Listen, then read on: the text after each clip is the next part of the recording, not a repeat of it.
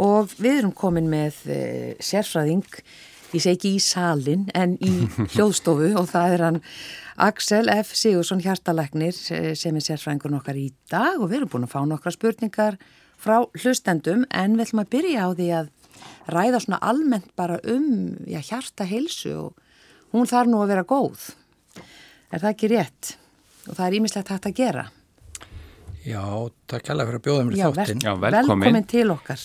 Um, sko, hjartasjúkdómar í dag eru uh, flokkaðir sem lífstílsjúkdómar og það er allþjóða helbriðstofnur sem að skilgreinir skilgreinir hjartasjúkdóma sem, sem lífstílsjúkdóma. Mm. Við vitum það reyndar að, að þegar kemur hjartasjúkdómum þá spila erðir mjög stóra rullu mm. en samt sem áður þá getum við haft verulega áhrif á hættu okkar að fá hjarta og eða sjúkdóma með lífstílum og þetta svolítið ef maður bara örstuðt ef við færum 100 ár tilbaka kannski kringum 1920 að þá eru smittsjúkdómar lang algengasta dánarásingin og fólk var þetta í áru lúnabolguberklum og, og alls konar alls konar pestum og, og síkingar voru, voru aðal vandamálið og síðan gjör breytist þetta og svona upp úr e, setni hefstildinni þá er e, þá hafa voruð svo mikla framfæri sóttvörnum og e, líka spilaði tilkoma e, e, spiluði síklarlefin mikla rullu því að þau voru þá nýkomin inn. Já. og þá breytist þetta sjúkdóma minnstur hjá okkur á, á Vesturlöndu mjög rætt og allt í einu þá eru fann að ráða við smittsjúkdómana og síðan verður mikla framfæri þar. Nú höfður það vissulega breyst síðustu mánuði þegar COVID faraldurinn kemur að þá eru við allt í einu allt í hennu komin inn á smitsjúkdóman aftur. Já, en bursið frá því að þá allt í hennu svona upp á 1960 þá fara að gera slutir á Vesturlöndum þar sem að fólk, und fólk fer að fá, fá hjarta áfall og þetta verður svona eins konar faraldur. Og kannski mest áberandi bandaríkjum til að byrja með en líka í Evrópu og hérna í Íslandi og þá allt hennu eru við komið með með allt aðra sjúkdóma sem við þurfum að klíma við. En sko fyrir þessi, þessi að þú talar um 100 ára aftur í tíman, mm. þar áður voru hjarta áföll og, og, og hjarta veilur ekki svona algengar bara? Nei, það er alveg hárétt. Þetta var þekkt en þetta var ekki talið stórt eða algengt heilsufarsvandamál. Nei, og það kannski spilar fæðið inn í að þarna á þeim tíma sem þetta er ekki vandamál þá erum við kannski borða reynt fæði að svo mörguleiti Já Það var ekki búið að finna upp skyndibittan og, og niðursuðuna eða hvað? Þetta hefur vissulega verið heilmikið rætt einmitt vegna þess að við vitum að senlega voru Íslendingar að borða oft á tíðum miklar, mikið að dýraafurðum og kannski feitt kjöt og saltakjöt og, og reykt og alls konar og, og, en kannski það sem að skipti mestu máli í þessu samhengi er að fólk kannski reynilega lifið ekki nógu lengi til þess að fá hjart- og æðasugdóma mm. og það sem er líka mikilvægt þarna er átt að sjá því að eh, stærsti áhættu þátturinn okkar þegar kemur að hjart- og æðasugdóm eru reykingar Já. og við sjáum að, að, að maður horfir á sko algengi reykinga á Vesturlöndum og hvernig reykingarna koma inn og hvernig það er aukast og verða gríðarlega algengar svona 1950, 60, 70 að hjarta sjúkdóma kurvan, hún fyll, hún eldir bara reykingkurvuna og svo hafa reykingar minga mikið Já. og við erum að sjá að hjarta og æðasjúkdómar er á niðurlið. Þetta, þetta er svona sterk tenging. Þetta er mjög sterk samband, en vissu, vissulega eru aðri þættir sem að, sem að skipta máli, svo sannlega, en reykingarnar eru svakalega hættulegar þegar kemur hjarta og æðasjúkdóm. Já og svo er þetta þarna í tísku nánast á þessum tíma, mikið Já. auglist og, og, hérna, og síkartu vera svona eins og bara svona tísku, tískuðara. Já, nokkvæmlega. Og það sem að bandrækjumenn gerðu á sín tíma, þeir gáðu alltaf, sko hermenn fengu ókeppis síkartur og þannig að þeir, þeir byggu til þannig stóra kynnslóð af, af kallmönnum sem að voru stórreikingamenn í, í sko bæði fyrir heimstyrjöldinu, setni heimstyrjöldinu og síðan í, í korfustriðinu og, og, og örgla í fleiri fleiri styrjöldum. Og eins og maður sér bara eh, eftir stríðið eh, setni heimstyrjöldina, það bara eru allir að reykja allstaðar. Það var reykt í beitni útsendíku í sjómarfi, það var reykt kennara reyktu jöfnvelin og kennslu, eh, í kennslunni og annað. Já. Þetta er, já, þannig að þetta, þetta er svona svakalega sterk tenging já, en að því við tölum alltaf um lífstíls e, í rauninni sjúkdóma. Já. það er mataræði líka og en svo vantarlega reyfing. Já, svo sannlega mataræði og reyfing kortveikja lautir sem að skipta miklu máli þegar kemur að hættuna á að fá hjart og eða sjúkdóma og, og þetta, er, þetta er mjög skýrt með reyfinguna að hún hefur reglubundin reyfing hefur vendandi áhrif og e, og hjálpar til að venda eðakerfið okkar. Og hún þarf ekkit endilega að vera svo mikil eða öfgagend og til, til þess að fá þessi áhrif á hjart og eðakerfið sem við teljum æskilið þá, þá er nóg að fara í 40-50 mínuna göngutur í viku, þú þarf ekki endilega að fara í líkansræktina eða hlaupa hálfmarathon eða neitt svolítið, það er ekkit, það er ekkit sem segir okkur að, að öfgarna séu betri. Mm. en reyfingin skiptir mjög miklu máli og matræði svo sannlega líka en það er kannski flóknara mál því að þar hafa skoðanur oft verið skiptar. Já, á hvaða hátt er, er ekki sammálu um hvaða matur það er sem er vestur fyrir okkur? Í sko, jú mennur svona nokkuð sammálu um það að, að það sé eskilegt að halda sig eins og Guðrun orðið á, á þann að halda sig við hreinan, hreinan mat. Já. Og kannski forðast unnin mat mat, uh, unnar kjötvörur, keks og kökur og snakk og allt þetta sem við pakkum inn og geimist, í, geimist í hillum. Sem er allt svo gott. Allt svo gott, sko. Já. En það eru nefnilega transfitunar og, og kannski ímis önnur efni sem við gerðna viljum forðast. En ef við höldum okkur hreinan mat, ávesti, grannmeti, kjöt og fisk og höfum þetta svona fjölbreytt, að e, þá held ég að við getum ekki gert marga vittlisur. Það er og, og, en, en síðan hefur kannski það, síðust árin þá að menn svolítið verið að deila um fýtunislu hvort hún sést góð eða slæm og hvaða fýtu við um borða og, og hvaða fýtu við um ekki að borða og þetta, þetta tengir svolítið umræðin um kólestról Já, ég held að, sko, gott á komstinu þetta, ég held að margir sé einmitt svona svolítið, eh, hvað ég segja, ekki rugglaðir en svona viti ekki alveg hvað er best, því það er, sko, talað um þetta allt þetta létta, ja, létt mjölk og, og kannski létt smjör eða, eða eitthvað slíkt. Og svo er það aðri sem segja við eigum að borða smjör og það er ólifólja og hvað, hvað er réttast og best fyrir hjartað í þessu málum? Um, það, það er svolítið erfitt fyrir mig að segja hvað er rétt vegna þess að menn er ekki alveg sammála. En ég, ég kannski get sagt það frá því sem mér finnst vera rétt. Og ég og það sem að kannski við höfum séð síðust árin þá hefur lágkólvetna mataræði notið mikil af einselda og þá ert í raun og veru bara borða minni sigur og minni kólvetn og þú ert bara minna brauð og minna af sigri og sætindum og, og minna karteblum og, hrískonum og svoleiðis. En, en til þess að svona lágkólvetna mataræði geti gengið upp að þá þartu að borða meiri fyttu vegna þess að þú þarft að fá orkuna einhverstað frá, ef þú ert ekki að fá nú kólvetnum og sigri, þá verður að borða meira af fyttu og þetta kemur óþægilega við marga vegna þess að ég til dæmis og, og mín börn ólust uppi það að það er bara vond að borða fyttu og allt í henni áttu að fara að borða meiri fyttu en þá er mikilvægt að velja fyttuna rétt. Og, og, og það er það sem oft hefur verið miskilningur saman til lákulatnum að þú ert ekki bara borða beikon uh, út í eitt.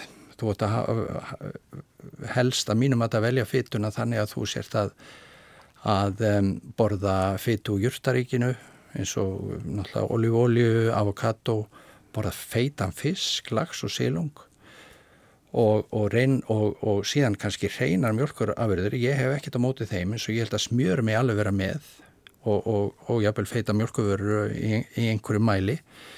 Rauðakjötið er ekki svona hátt skrifað hjá líðhelsu yfirvöldum og ég held að við hefum ekki að borða mjög mikið af því og og um, og kannski reyna að sneiða svolítið hjá, hjá feitukjöti en þá kemur alltaf þessu umræða er íslenskt, til dæmis íslenskt lambakjöt er það sama og uh, amerísk nautakjöt raukt, við tölum bara um raukt kjöt en það getur vel verið íslenskt lambakjöt þar við, við erum alltaf með sko lömpun okkar þau eru, þau eru þetta er nánast, þau, þau ganga laus mm. og og þetta er allt annað heldur en margar margskonar aðrar kjötvörur. Þannig að kjöt er ekki sam og kjöt. Já, já, já, bara alltaf flækja þetta aðeins. Já.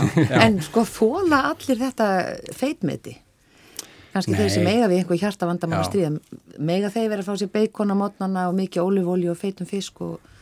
um, ég, ég te, tel það já, að þeir megi það í, í sko, sérstaklega, sérstaklega ef þau velja fytuna þannig að það sé ekki ómikið af harðri að mettari fytu að velja þá fytuna meira úr, úr sjávaraförðum og avokado og, og hérna, olífólju ekki mikið raukt kjött og feitt kjött ég, ég, er, ég er alveg, alveg sammála því að það sé rétt að forðast það. Þa, það er þar sem að þessi harðafitta uh, liggur. Já. Já. En ekkin? Já, það er búið að vera... Mikið deilumál? Já, menn er búin að þræta lengjum það og þegar ég var að, að í mínu sérnámi fyrir nokkuð mörgum árum að þá var okkur alltaf sagt að variði sjúklingarna sem að fengi, fengi hjarta áfall og verið með kransaðsjúkdóm, þeir mega ekki borðað egg og, og þetta var svona gegnumgangandi vegna þess að eggin innihalda mikið, mikið af kólestróli. En svona síð, síðustu tíu árin hafa komið rannsóknir sem sína það að, að kólestróli blóði hækkar ekki alltaf svo mikið við það að borða egg. Það, það er, þetta er eindir einstaklisbundið en það sem gerist að því að kólestróli efni sem að líka með þarf, frumur líka með þurfa kólestról. Og, en við þurfum ekki að borða það vegna þess að livrinn okkar getur framleita. Þannig við getum alveg látið eiga sér að borða kólestról og livrinn sérum að búa til fyrir okkur. Og það sem gerist ef við, ef við neytum, ef við borðum kólestról eins og til dæmis segjum borðum þrjú ekk á dag, að þá bregst líkamenn þannig við að livrinn fer að framlega minna. Hún líkamenn skinnjar er að koma, koma kólestról utanfrá og livrinn þarf að framlega minna. Og þannig að kólestról blóði hækkar oft ekki mikið við að borða ekk og hjá flestum bara mjög lítið. Já. En þannig að eitt egg á dag eða kannski fimm eða sjö egg í viku það til ég alveg verið í lagi þó með sér hjertasúkningur mm. Já, eh, við ætlum að fá lag núna eh, eitt stuttlag og svo vindu okkur í spurningar frá hlustendum eh, bara til að minna á það að Axel F. Sigursson hjertalegnir er hér til þess að svara spurningum. Hann er sérfræðingur dagsins í dag í manlega þettinum og fáum fyrst sjómannavalsinn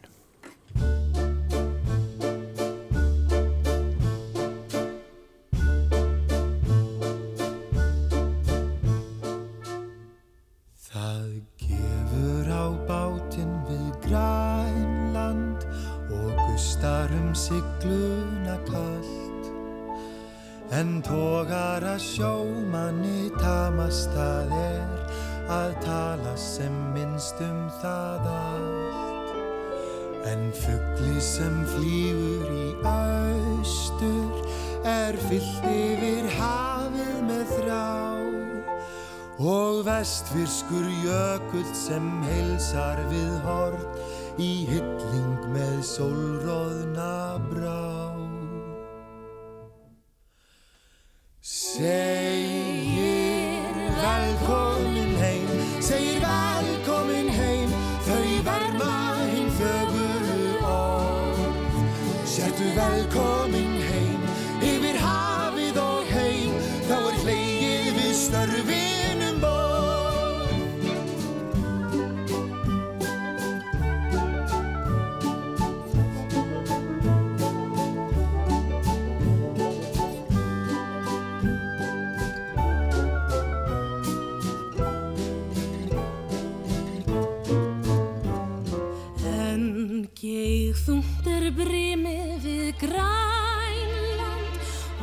og gista það kýs ekki neitt.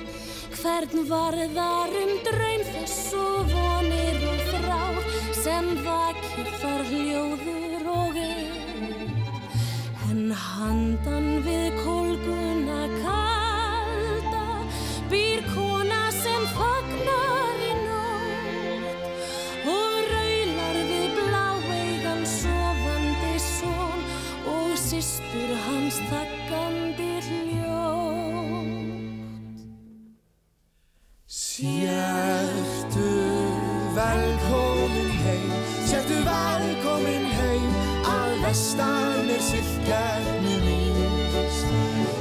velkomin heim, yfir hafið og heim og hornar gútjúpinur ís.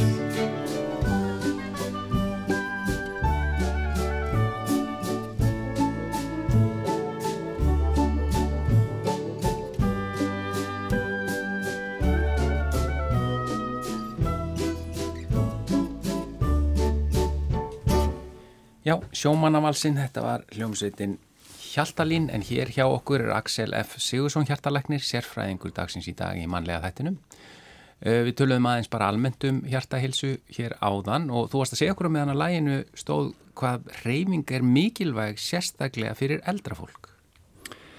Já, reyfing er já, reynda mikilvæg fyrir okkur öll en, en ég held að það hefur, of, það, það hefur svona loðað við hefur mér fundist í gegnum tíðina að um, þegar maður eldist og maður hættir að vinna og fyrir að eftirlaun að þá getur maður bara svona innan gæðsalega sest í helgan stein. Farið að slaka á. Já, sem er, sem er auðvitað rétt Já, en, en ekki setjast í ruggustólun Nei, nákvæmlega, ekki setjast í ruggustólun vegna þess að reyfingin hún er ekki síður mikilvæg fyrir þá sem er eldri heldur en fyrir þá sem er yngri. Og rannsóknir hafa sínt þetta og ég tel mér sjá þetta hverju degi í mínu starfi að um, meðal eldrafólksins, þeir sem eru dugleir að hreyfa sig og eins og ég saði á það, þá þurfu ekki að vera nýjan átök, fari gungutúra, fari sund, að þeir halda sinni helsu lengur og betur og hafa betri lífskeiði heldur en þeir sem eru ladra að hreyfa sig og þetta er svo mikilvægt ekkit endilega bara til að lifa lengur heldur bara til að halda góðum lífskeiðum sem lengst Já Og gott fyrir hjartað. Gott fyrir hjartað og eðakerfið og sálina. Já, ekki síst. Já, en við ætlum að vinda okkur núna í spurningar sem við höfum fengið sendar frá hlustendum. Ég ætla að byrja hérna bara á þeirri fyrstu. Sælveriði og takk fyrir þættin ykkar sem ég reyna að missa ekki af. Þetta var nú ekki... Já, jú, endilega hafa það með. Já, en ég hef áhuga á fræðast um harmsleil eða broken heart syndrom og þá sérstaklega hvað veldur þessu er til dæmis hugsanlegt að meðhöndlun á vanvirkum skjaldkirtli með lifinu levaksím geti orsaka þetta og hver alvarlegt það er að greinast með þetta, með hverju. Hún er halla, það mátti koma fram. Já, takk fyrir spurninguna. Orðið harmsleil, það vísar til þess að þetta sjúknámsfyrirbæri að það tengist oft því að við verðum fyrir miklu tilfinningarlegu áfalli. Mm kannski missum nái nætting eða vín eða kannski missum vinnun okkar eitthvað mikið fjárhagslegt tap, þetta er eitthvað svona skindilegt áfall sem að framkallar þennan sjúkdóm og þegar ég var í sérnámi elendist þá var, þá var þessi sjúkdómar ekki til Já. eða hann var ekki skilgrendur, hann var örgulega til Já. en við vorum ekki búin átt okkur á því að þetta væri fyrirbæri sem að hefði svona ákveðna sér eiginleika og það er ekki fyrir 1990 sem að það japansku læknir sem að lýsir þessum, þessum sjúkdómi fyrstur og þetta gerist þannig að einstaklingurinn hann fær mikið brjóstverk, bara nákvæmlega eins og hann sé að fá kransastíblu eða hjartáfall, mm. hann fær mikið brjóstverk og yfirleitt leiðir þetta til þess að fólk fer inn á spítala og það er að tegna blóðpröfur og línuritt og sjúkdómsmyndin öll bendir til þess að þarna sé á ferðinni hjartáfall eða kransastíbla mælist hækkun og efni í blóði sem að enzými svo kvöldu sem að líka gerist við kransastíflu. Og svo þegar maður fer að skoða hjarta og gerir ómskoðan að hjartanu þá sér maður að sleilin aðal hjartavöðvin hann er svona bara eins og þaninn, þaninn bladra næri hlutin á meðan efri hlutin er nokkuð elur og japanski læknir sem að skilgrinda þetta fyrst hann kallar þetta takotsubo sjúkdóm. Og þetta orðið er ennþá notað svona í meða lækna. Og þá var hann að vísa til þess að sleilina hjarta vöðun tekur á sig form sem er sama formið og, og, og einhvers konar japansk krabbagildra sem er þekkt í Japan, þetta skiptir ekki máli. Já. En síðan þegar að, að, að menn fara átt að sjá þessari tengingu við, við tilfinningilega áföll að þá kemur ennska orðið broken heart syndrome að, að þú er orðið fyrir áfalli og þá gerist þetta. Og síðan þegar sjúklingurinn fer í þræðingu og það við höldum ennþá kannski þetta sé kransastýpla þá er alla ræðar opnar og ekkert sem er stýplað en, en vinstir sleilin hjartavöðun getur verið alveg útslegin hann er bara mjög lélugur samdráttur og þessi sjúklingar getur verið mjög veikir. Flestir verða ekki. Mm. en síðan þegar þú skoður sjúklingin eftir mánuð þá er allt gengið tilbaka. Hjartavöðun og nellur og allt, allt gengið yfir. Þannig að þetta er mjög þetta er mjög sérstatt fyrirbæri og menn telja að þetta sé orsökjum fyrir þessu sé að það verði einhver svona óeðlileg gusa sem að kemur frá ósjálfur að tökjörinu adrenalín og eitthvað þínlíkt að, að sem þetta sem við kallum sympatíska tökjörfi að það verði allt í hennu allt og virt og, og, og þá og einhvern nátt þá þólir hjartaðið ekki enginninn nákvæmlega sömu og við hjarta áfall en horfur sjúklingan eru betri. Þeir geta visslu orðið mjög veikir meðan á þessu stendur en ef þeir ná sér í gegnum bráðafarsana þá jafna flestir sig varðandi spurninguna um lefasín sem er mjög algengt skjaldkýrtilslif sem, sem er gefið fólki sem er að glýma við vanstar sem í skjaldkýrtli þá held ég að ég geti sagt að það er engin tengsl þarna á milli.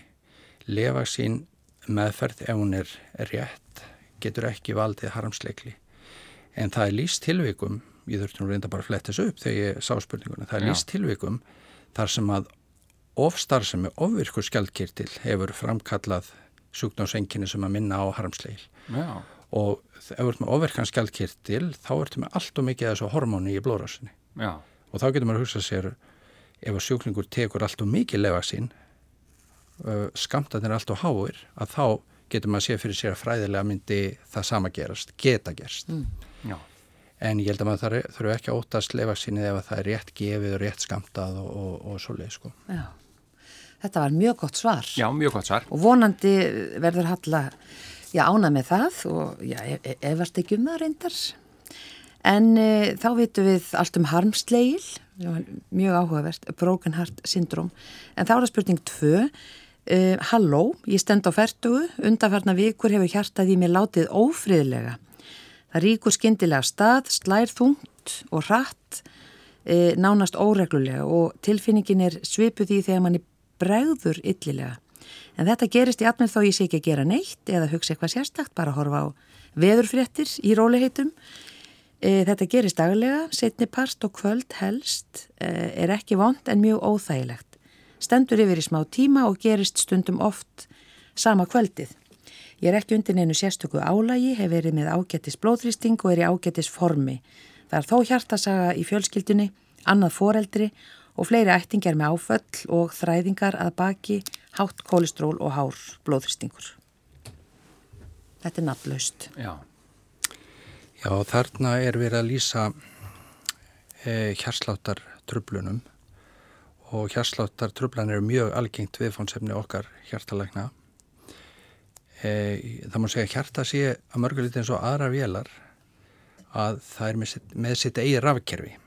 Það þarf að vera rafkerfi og síðan þarf að vera mót, mótorinn sjálfur. Og kannski ef við lítum á hjartavöðvan sem mótorinn að, að þá, er, þá er það rafkerfið sem að stjórnar hjarslættinum og í hjartanu eru, eru svona bara tildulega flóknar rafbröytir sem að leiða þessi rafbóð og síðan hafa, hafa ákveðin svæði hjartan og þannig eiginleika að þau eru sjálfkrafa að gefa frá sér rafbóð og það er gangráður hjartan sem er staðsettur í annari gáttinni hann hefur þennan eiginleika að hann er alltaf að gefa frá sér rafbóð 60 sinum á myndu þegar við erum í kvild og kannski 150 sinum á myndu þegar við erum að reyna á okkur. Svo berist þessi rafbóði eftir ákveðnum brautum og þegar hjarta vöðum færi þessi rafbóð þá dregst hann saman. Og ef við erum í svona gangrastakt og gangránræðuferðinni þá er hjarsláturinn okkar yfirleitt reglulegur. En síðan er fullt af öðrum svæðum í hjartanu þar sem að rafbóð geta myndast og ef þau ná að skjótast á milli eðlilu slagana að þá, þá tölum við um það sem oft, við tölum um aukaslug að þá, þá koma rafbóðin frá, frá öðru svæð og þau ná að skjótast inn á milli og hjartað, reyfing hjartans verður aðeins öðruvísi, maður finnur, margir finna þetta, það er eins og hjarta bildi sér.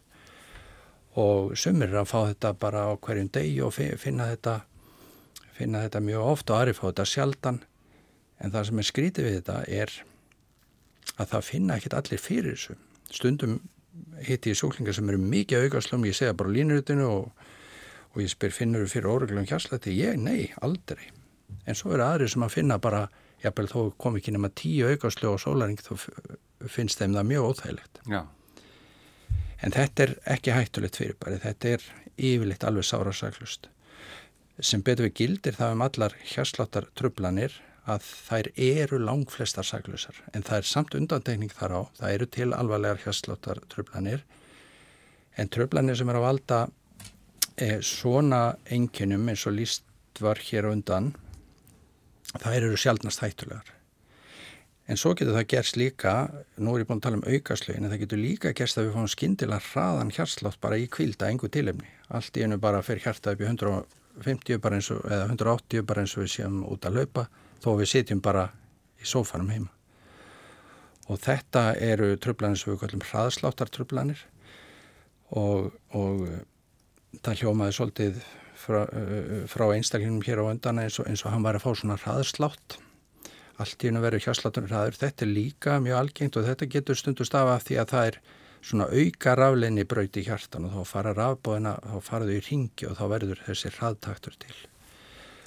Um, ofta, ekki alvarlegt heldur eða? Oftast ekki. Já.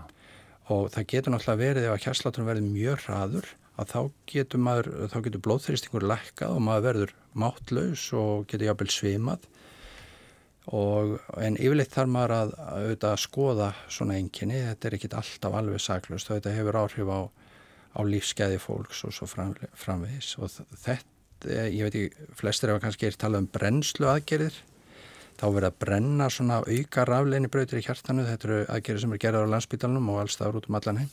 Og þá er oft verið að brenna svona auka brautir til að lækna sjúklinga af svona tilefnislausum hraðtakti sem að getur verið mjög óþægilegur. Já, Einn spurning að lókum. Uh, nú eru einkenni um hjartavandamál ekki eins hjá kynjónum hefur maður heyrt. Ég hef líka lesið við tölvið konur sem hafa fengið hjarta áfull og verið með vísbendingar um það áður en það gerðist og sagt læknum frá en það hafi verið afgreitt sem vöðvabólka.